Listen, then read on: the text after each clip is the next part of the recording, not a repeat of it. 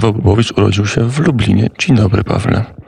Dzień dobry, dzień dobry Łukaszu, dzień dobry Państwu. Oczywiście, no, nigdy tego nie ukrywam i z wielką dumą mówię, że Lublin to jest moje miasto e, rodzinne. Słuchałem e, pierwszej części audycji mojego serdecznego przecież przyjaciela Wojtka Pokory, redaktora naczelnego Kuriera Lubelskiego i ta perspektywa Lublina, bramy na wschód, to stąd jest ta pasja. Oczywiście, że trochę też związana z korzeniami rodzinnymi, która skierowała mnie na wschód, ale, ale nie Kijów, a Lublin. Czasami przekraczasz granice. Mm, jak ta granica obecnie wygląda, e, jak się przekracza, to jest e, między jednym a drugim światem, między Ukrainą a Polską? Ta granica rzeczywiście przez lata ona jest taką barierą, która mm, nie jest mm, często najlepszym świadectwem, tak jakby się chciało, żeby była takim dobrym świadectwem, e, gdy wjeżdżasz z Ukrainy, dobrym świadectwem Rzeczypospolitej i Unii Europejskiej, mm, a z drugiej strony, gdy wyjeżdżasz z naszej części, no to też wpadasz w taki e, obszar, w którym bardzo często już na granicy zderzasz się z postsowieckością, ale teraz oczywiście przez ostatni rok ta granica nabrała nowego wymiaru, bo bardzo często jest też e, takim uświadomieniem, czym jest pandemia e, COVID-u. E, tym razem wracałem z Ukrainy, wracałem samolotem, leciałem e, nasz, z naszym narodowym przewoźnikiem lotem i, i wylądowałem w Warszawie.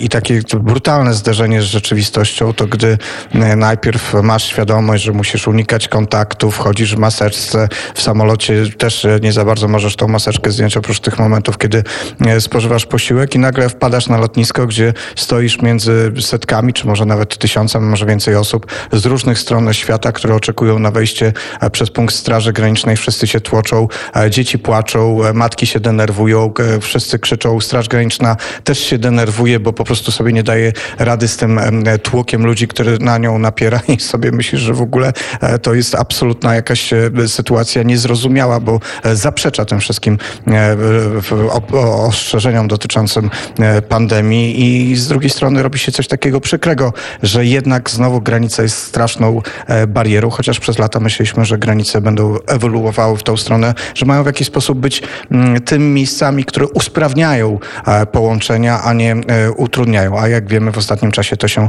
zmieniło. A województwo lubelskie też jest bardzo specyficzne, jeśli chodzi o oczywiście o granice, bo województwo lubelskie jest tym województwem, które graniczy i z Ukrainą, i graniczy z Białorusią.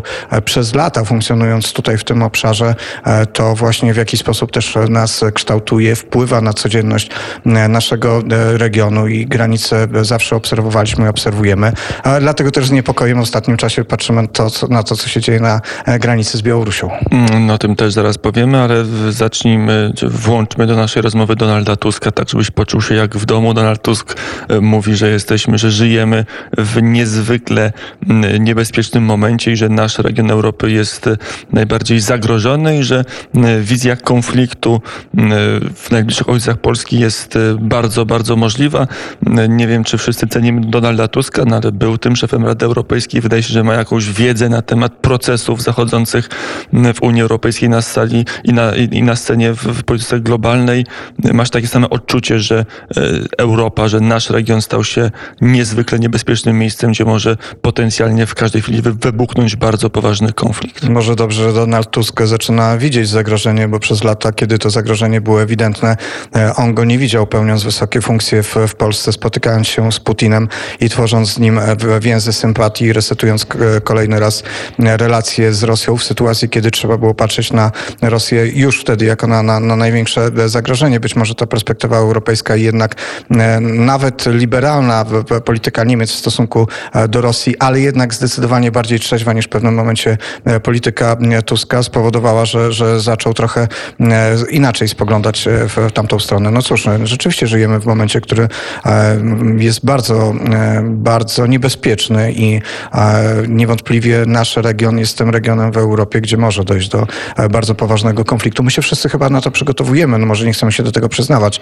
ale chyba o tym myślimy. No właśnie, nie wiem, czy w Polsce o tym myślimy, ale wydaje się, że na pewno o tym myśli się na Ukrainie, jak Ukraina, jak Kijów patrzy na ten jednak trochę zmianę obrazu świata, na, na to, co robi Joe Biden, na to, co robi odchodząca Angela Angela Merkel na to, że jakby ta sytuacja jednak ewoluuje w stronę dla nas, a na pewno dla Kijowa nieprzychylną.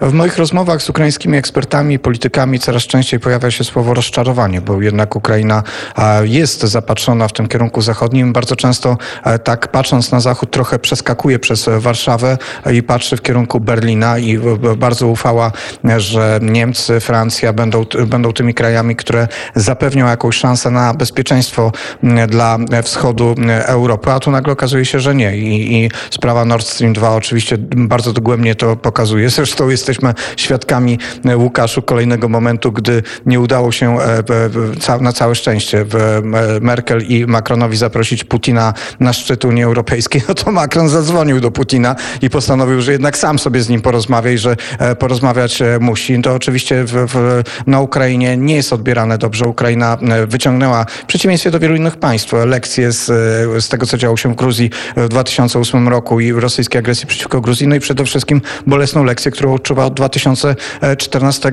roku. Dlatego też zdecydowanie od pewnego czasu opierała się na, w swojej polityce bezpieczeństwa na Stanach Zjednoczonych. No ale tutaj chyba też niestety trochę dostała mm, po uszach, jak my wszyscy zresztą. Hmm, nie wiem od nie ilu zaryzykujesz, od 20 lat obserwujesz politykę e, wschodnią, politykę w regionie mm, Europy. Nawet trochę dłużej. Nawet trochę dłużej, czym świadczy e, e, Siwa broda. Tak, przeplatana siwizną broda Pawła Bobołowicza, który jest w, gościem poranka wnet w Lublinie.